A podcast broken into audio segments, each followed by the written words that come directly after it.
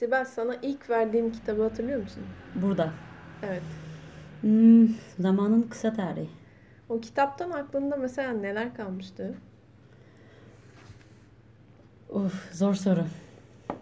Aklımda ilk tabii o adamın uzaydaki gelişmeleri, zamanı, astronomiyi anlatış tarzı çok basitti ve çok anlaşılırdı. Hatta ondan gaza gelip birazcık Umut sana anlattırmıştık kozmolojiyi hatırlıyor musun? Evet. Ben katılamadım gerçi ama Ama e, dinlemiştin daha sonra. çünkü oradaki hatta biz sanırım bir etkinlik yapmıştık ondan sonra. Orada zamanın göreceliliğinden e, bahsetmiştik. Yani birazcık da şey hatırlıyorum. Şu an astroloji ile astronominin ayrılmasını anlatıyordu. Tarihsel olarak bunlar birbirine çok birlikte gelmişler. Yani o ünlü tanıdığımız bilim adamları orta çağda aynı zamanda krallara e, özel astrologluk yapıyormuş. Biraz da işte benim en çok aklımda kalan oydu. Bu ikisinin birlikteliğinin ayrılması biraz astronominin bilim olarak kendisini ispatlarken yaşadığımız o hümanist dönemden sonraki bilimsel aktivitelerle astrolojinin kendi bilimselliğini ispatlayamamasından dolayı aslında biraz e, anlamını yitirmeye başlaması bilim dünyasında. O ayrılmayı ve oradaki insanların, bilim adamlarının hayatlarını çok güzel ifade etmişti. Sayın kozmolog bu konuda sizin olduğunuz yerde konuşmak birazcık beni geriyor ama. Yok ben dinlemekten büyük zevk alıyorum. Peki de- astrolojinin gelişimiyle ilgili bir şey söylemek ister misin? Yani şu an sence dünyada başarılı mı bu alan? Yani Hak ettiği değeri alıyor mu? astroloji ile astronominin farkını iyi bilmek lazım. Çünkü bunu biz hala yaşıyoruz sıkıntılar. İnsanlar birbirlerini yani bunları birbirine çok karıştırıyor. Açıkçası ben geçen hafta bunun deneyini yaptım. Hı. Şimdi benim kozmoloji okuduğumu bildikleri için bu e, etkinlik sonunda birkaç arkadaşa böyle fal baktım diyelim. Jüpiter oraya geldiği için senin hayatında şu olacak. İşte Mars oraya geçti senin hayatında bu olacak ama bunu biraz ciddi bir dille yaptım. Bilimsel bir dille. bilimsel bir dille ve insanlar böyle aklı başında güzel insanlar bana inandı. Hani aa cidden öyle şeyleri mi çalışıyordunuz falan filan oldu. Evet komik geliyor ama gülme. Ama ben hani çok daha böyle otoriter ve inandırıcı da konuşmuştum. Ama ben buna şaşırdım. Böyle bir gücüm olduğunu bilmiyordum yani. Demek ki önceki insanlar da aslında bu güce sahipmiş. Çünkü onlar da üç aşağı beş yukarı insan hayatındaki bilinmeyen gizemli şeyleri bu büyük kütlelerin, büyük gezegenlerin hareketleriyle açıklamak istiyorlardı. Şimdi biraz e, şehir dışında uzaklara gittiğimiz zaman bir uygulama vardı onunla ilgili. E, işte uygulamayı bir şekilde nasıl çalıştığını bilmiyorum açıkçası. Gökyüzünü tutuyorsun. Oradaki yıldızlarla ilgili çok güzel bir e, bilgilendirme yapıyor sana. Stellarium. Evet, Stellar, evet oydu galiba. Yani o özellikle köy gibi ortamlara gittiğin zaman zaman bir anda yavaşlıyor. Bir anda gökyüzü daha parlak hale gelmeye başlıyor malum.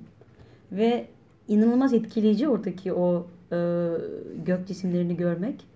Ve o gök cisimleri hakkında birilerinin fikir sahibi olduğu düşününce geçmişte ve sadece yani mü- müthiş bir güce sahip. Şu anki Big Data gibi bir şey yani. Ona hakim olan insanlardan bahsediyoruz. O adamların birazcık da herhalde cep harçlığı astrolojiden çıkıyormuş o zamanlar diye düşünüyorum. Çünkü Newton'un, Pascal'ın inandığını zannetmiyorum Galileo'nun.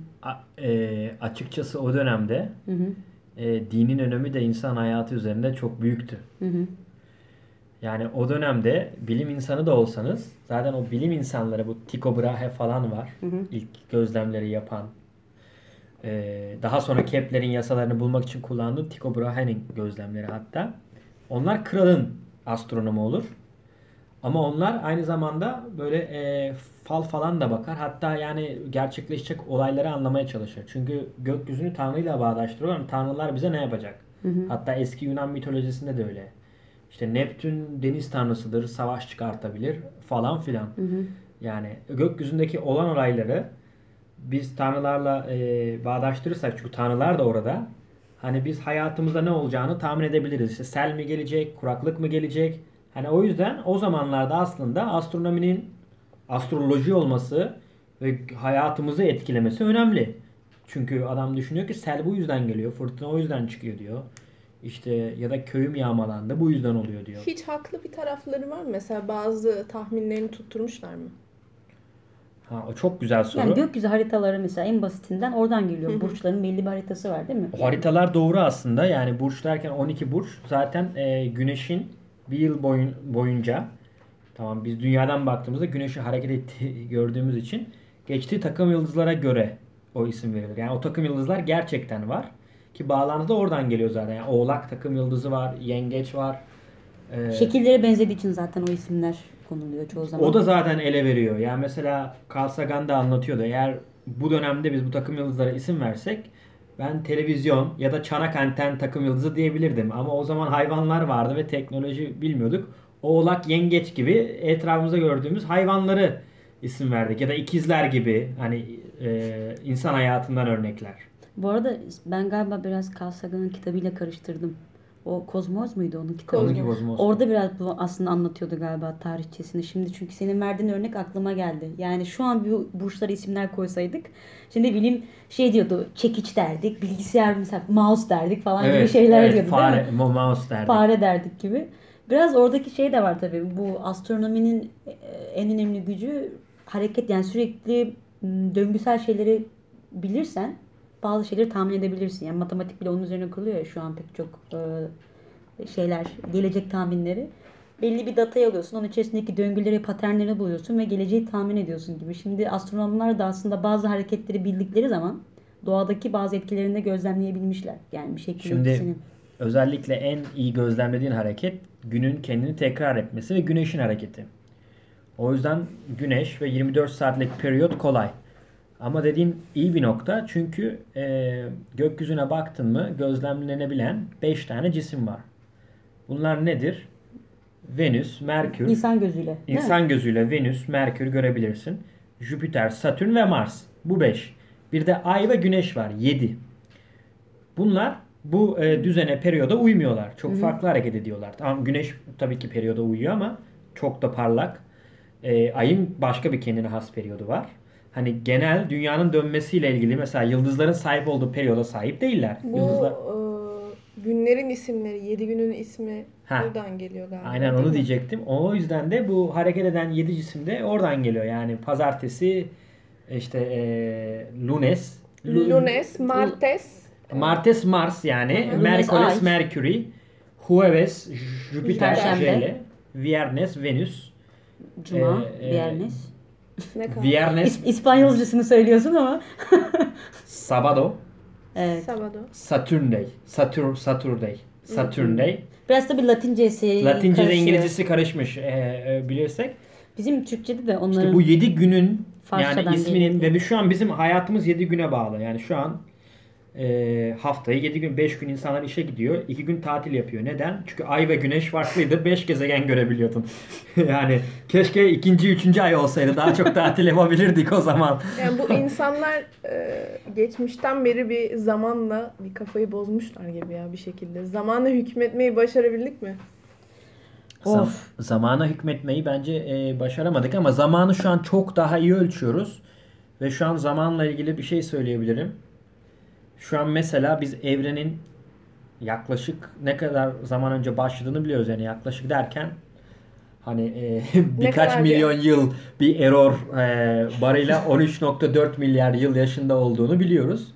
Aslında bu bilgiyi bilmememiz gerekiyor. Yani e, bir dünya denilen gezegende yaşayan primat olarak böyle bir şey gereksiz bilmem- bir bilgi. Çok gereksiz yani bunu aklıma- bonobolar ak- bilmiyor. At- aklıma ne geldi biliyor musun? Bir tane belgesel izlemiştik ya. Neydi o senin çok sevdiğin belgesel serisi hatta? Brian Cox. Brian Cox'un Wonders of the Wonders of the Universe. Solar System. Solar System. Ha, Universe. Hatta ben Universe'e indirmiştim. Universe. Tamam. Şeyde e, orada benim aklımda kalan senin söylediğin adamın da söylediği çok güzel bir şey vardı. Zaman yoktur, döngüler vardır.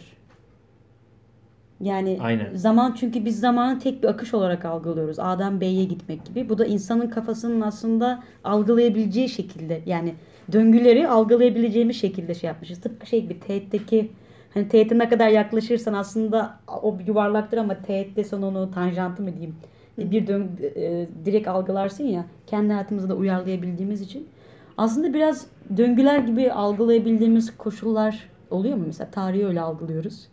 İşte tarih tekerrürden ibarettir gibi. İlişkileri öyle algılıyoruz. İnsan 20'li ilişkileri. yaşlardan sonra zaman çok hızlı geçiyor mesela. Belki bu da var. Ya Şimdi onun sebebini e, şöyle Tabii beynin yani- çalışmasıyla ilgili Biraz manipüle etmek istedim sadece. Zamanın göreceliliği muhabbeti. şöyle bir şey. Yoksa hani bu film vardı ya neydi adı çok meşhur. Ee, bir yere gidiyorlar 50 yıl oluyor ama aslında başka bir yerde sadece bir, bir saat geçmiş oluyor. Meşhur şey Inception. Gravity in- filminde de Yok. vardı ama. e, Inception. Yok. hayır ya. şu- Inception'da evet. bu bir şey Yok, e, Inception değil, kara delikleri en iyi anlatan film olarak. Bu Gravity galiba. Yok ya. Interstellar mı? Interstellar. Ha ha evet. O gerçek şey gibi bir şey yerli bu. yabancı gibi oldu. O gerçek fiziksel bir şey bu arada. Hani bu oluyor. Evet, evet. Sürekli olan bir şey ama sadece bizim yakın çevrede olmuyor. Bir kara deliğin yanına giderseniz o oluyor yani. Cidden hani orada zamanın göreceliğini anlayabiliriz yani eğer öyle bir uzay gemisi O zaman gönderirsek. kara deliğimiz ne? Modern hayat mı burada? Oo. Evet değil mi? Aslında çok Modern her... hayat- bir şey söyleyeceğim. Modern Kara de- hayat bizi Bir bizi şey söyleyeceğim. Kara çok- deliklerde e, kara deliklerde bir şeyler hızlanıyor değil mi nihayetinde? Tabii ki yaklaştıkça hızlanırsın. Ama insan beyni buna göre evrilmemiş. Evet. Yani şu an mesela modern hayatta olan şey bu. Ne kadar ilerledikçe teknolojide, zamanda her şey hızlı olmaya başlıyor. Çok hızlı yaşıyoruz. Geçen gün hatta sana gönderdiğimiz bir podcast vardı. İsmini hatırlayamıyorum şu an ama TED podcast'i galiba. İsmi eee ismine bakayım. Bakalım dur. Orada kadının söylediği şeyde The var. Unforeseen Consequences of a Fast-Paced World. Tamam. Yani her şey çok hızlı akıyor. Ee, yaşadığımız dünyada bilgi akışı çok fazla. Ee, yaşamımızda her şeyi bir anda yapmak istiyoruz. Çözüme bir anda ulaşmasını istiyoruz ve müthiş bir stres yaratıyor bu. İnsan beyni buna göre evrimleşmemiştir. İnsan aslında bir nevi multitasking değildir. Ee, bir alanda uzmanlaşmalıdır. Muhabbetiyle birazcık aynı yerde gidiyor. Biraz aslında ben şüpheci yakla- yaklaştım. Çünkü bu uzmanlaşma olayı biraz yaşadığımız çağın ideolojisine çok uyduğu için biraz da psikolojiyi buraya zorluyorlarmış gibi geliyor. Yani uzmanlaşın. Uzmanlaşmak tam size göre aslında. İnsan, uzmanlaşmak, bir konu üzerine odaklanmak insan psikolojisine çok sağlıklı, yararlı gibi gözüküyor. Ama geçmişe baktığımız zaman uzmanlaşmayan ama pek çok alandaki bilgileri birbirine bağlayan insanlar daha başarılı ya da daha sağlıklı olabilirler. Çünkü beyin de biraz böyle çalışmıyor mu? Ben de yakın zamanda tam bu konuyla ilgili öze- e, bir şey okudum. Mul- Multitask olan beyinlerin daha iyi olduğun- olduğuna dair, daha faydalı olduğuna dair insanla. Çünkü sonuçta beyninin farklı bölgelerini çalıştırıyorsun ve onlar kendi aralarında bağ kurduğu için farklı alanlarla ilgilenmenin daha iyi olduğu söyleniyor. Ama tabii buradaki zamanın çok hızlı akması meselesi modern insanda bence hiç boş zamanın kalmayacak. Sanki o boş zamanı tamamen tüketimle falan doldurman gerekiyormuş gibi bir algı var. Sonuçta multitask olan insanlara bakıyorsun. Ee, ne yapıyorlar? Çok faydalı işler yaptıklarını çok söyleyemem. Ya şu Modern an- anlamda şu anda. Şu an Yani bas- işten çık, spora git, kursa git, e, dil kursuna git, kayağa git gibi böyle tamamen aslında bence Ya da telefonla konuşurken yazı yaz, yazı yazarken işte bir yandan Instagram'a bak gibi bir olay multitasking olmayabilir bizim bahsettiğimiz. evet, evet. Yani multitasking aslında buradaki ya da çok ne der yani çok aynı anda birçok şey Ya yapabilme. multitasking mesela senin yaptığın şey mühendis olup sosyoloji doktorası yapmak belki multitasking olabilir. Yani mesela benim yaptığım şey çok öyle sayılmayabilir. Benim fikrim tabii ki bu. Yani belki burada bahsettiğim multitasking tabii şey e, aynı anda birçok şey yapabiliyor olmak insan beyninin aslında yorması olayı. Yani bir alana odaklanmak yani eskideki eskiden insanlar işte sadece avlanıyorlardı, başka bir şey yapmıyorlardı muhabbeti değil de birazcık yaşadığın anın tadını çıkarmak. Yani bir kitap okuyorsan kitap oku yani. Mesela ben onu ilk şeyde yaşamıştım. Normalde kitap okurken canım sıkılırdı. Çok sessiz gelirdi. Çünkü yaşadığımız çağda ses gerekiyor malum. O insanın kendisini oyalandırmak için, oyalanması için. Ee, şey yapardım mesela. Ee, müzik açardım arkada. İşte telefonla kurcalardım. Birkaç tane roman okurken okunması çok zor romanlar. Mesela Proust'un Kayıp Zamanın izinde. Onu odaklanamıyorum yani kitaba. Çünkü çok aynı anda müzik olduğu zaman kafam karışıyor. Ve o anda şunu fark ettim. Kitap ne kadar kendi içerisinde derinleşirse aslında o kadar sadece ona odaklanman gerekiyor. Anca o zaman tadını çıkartıyorsun. Çünkü o zaman o adamın anlattığı anların tadına varıyorsun. Biraz biz önce konuştuğumuz muhabbet vardı ya mindfulness şu an çok satılıyor ama aslında özünde galiba yediğin yemeğin tadını çıkarmak, arkadaşlarınla muhabbetin, okuduğun bir kitabın tadını çıkarma muhab- muhabbeti bir nevi anti multitasking gibi oluyor insanların uzaklaştırdığı. Umut sen ne düşünüyorsun peki? Çok kıpırdandın. Yani multitasking konusunda. Evet, mesela hani podcast çok beğendiğini falan söyledin ya. Seni Ben o yüzden buraya aldık. Senin yorumlarını Seni buraya ediyorum. aldık o yüzden. Yani podcast'te e, en önemli anladığım şuydu benim. O dediğim podcast'te ismini bir daha söyleyelim. The Unforeseen Consequences of a Fa- Fast-Paced World. Kadının ismi neymiş? Catherine Kadının ismi Buskill. e, Catherine Boskill diye Evet. TEDx konuşması. Yani diyor ki e, ben yaşlanırken hissettim diyor. Her şeyi daha hızlı yapmaya başladık. Hani bundan bir an zevk alıyoruz ama biz buna göre evrimleşmediğimiz için bunun acı sonuçları da oluyor diyor. Hızlı yaşa genç ol. yani Ya genç- biraz aslında geçen bu muhabbet dönmüştü. Yani stres doğada e, bir şeyden kaçarken çok yaşadığımız bir durum. Yani stres genelde insanın hayatta yaşadığı. Önceden mesela bundan bin, on binlerce yıl öncesinde işte ayı bizi kovalarken biz bunu Evet yaşıyorduk. gerekli ve sağlıklı Gerekliydi. bir şey. E, ve Belirli bir dışsaldı olayı. Ama günümüzde ve tabii ki oradaki olay ne? Bir şey hızlı akıyor hayatında. Yani bir şey kovalıyor seni, senin vücudunda buna Evet, tepki veriyor ve o güven ortamından yani o ortamdan, tehlike ortamından kaçıp güven ortamına gitsen bile vücudun bir müddet değil mi şey etkisi veriyor. Ne bileyim işte ellerin kuruyor, göz bebeklerin büyüyor, sürekli stres halindesin. O kortizol leveli düşene kadar sen bu stresi yaşıyorsun mesela. Gerçi bilmiyorum yani adrenalin, kortizol doğru, değil mi? Doğru. Ama e, günümüzdeki insanın böyle derdi olmadığı için genelde stres dışarıdaki olaylara hızlandığı zaman kontrolünden çıkmaya başlıyormuş gibi hissediyor. Yani bir şey onu kovalıyormuş gibi. O yüzden genelde şey derler ya plansız çalışan insanlar, e, sürekli bir şeyleri kategorize etmeden sanki bir şey koşuyormuş gibi çalışan insanlar biraz daha stres oranlarının artmasını Ben yine sağlıyor. hani İspanya'nın yavaş bürokrasisini eleştirirken bir yandan da e, övmek istiyorum adamları. Çünkü hani e, en çok yaşayacak olan büyük ihtimal son hani 20 yıl sonra bir numaraya yerleşecek olan insanlar yani en çok dünyada yaşayan Ortalama millet- yaşam ömrü. e, ortalama yaşam süresi en yüksek olacak olan insanlar İspanyollar. Biz onları çok aşırı rahat olmaları nedeniyle eleştiririz ama bu rahatlık özellikle Akdeniz ülkelerinde olan rahatlık bir bakıma insan ömrünü de uzatan bir şey. Bu da bir gerçek Çünkü bence. stresi azaltıyor tam bunu söylediğin gibi. Yani Evet, ben evet. mesela buradaki iş hayatına baktığım zaman insanlar mesela ne bileyim Amerika'ya gidip New York'taki insanların öğle arasında gözlemlediğin zaman herkes yemeği bile sokakta oturuyor. Yani tam ofiste olmasını istemiyor. Sokakta hızlıca bir şekilde yiyor. Yemeği hızlı bir şekilde yiyor. Muhabbetler sürekli birbirini kesen, sürekli heyecanlı muhabbetler. Tabii Amerika örneği çok hızlı olduğu için. Mesela sen Afrika'ya gittiğin zaman yaşam nasıl orada? Yavaşlamıyor mu bir anda? o çok Ya güzel çok güzel yemek- sordu onu. Yemeği nasıl yapıyor? Orada bence zaman yok işte o Brian Cox'a bağlıyor. orada hani yavaşlamıyor değil de orada kavram yok oluyor direkt. E Zaten zaman yok adamların Ya mesela algısı sabah bir taksi- döngülerden şekilleniyor değil mi? Senegal'den Gambiya'ya gidiyordum. Adam birazdan kalkar dedi. Sabah bindik.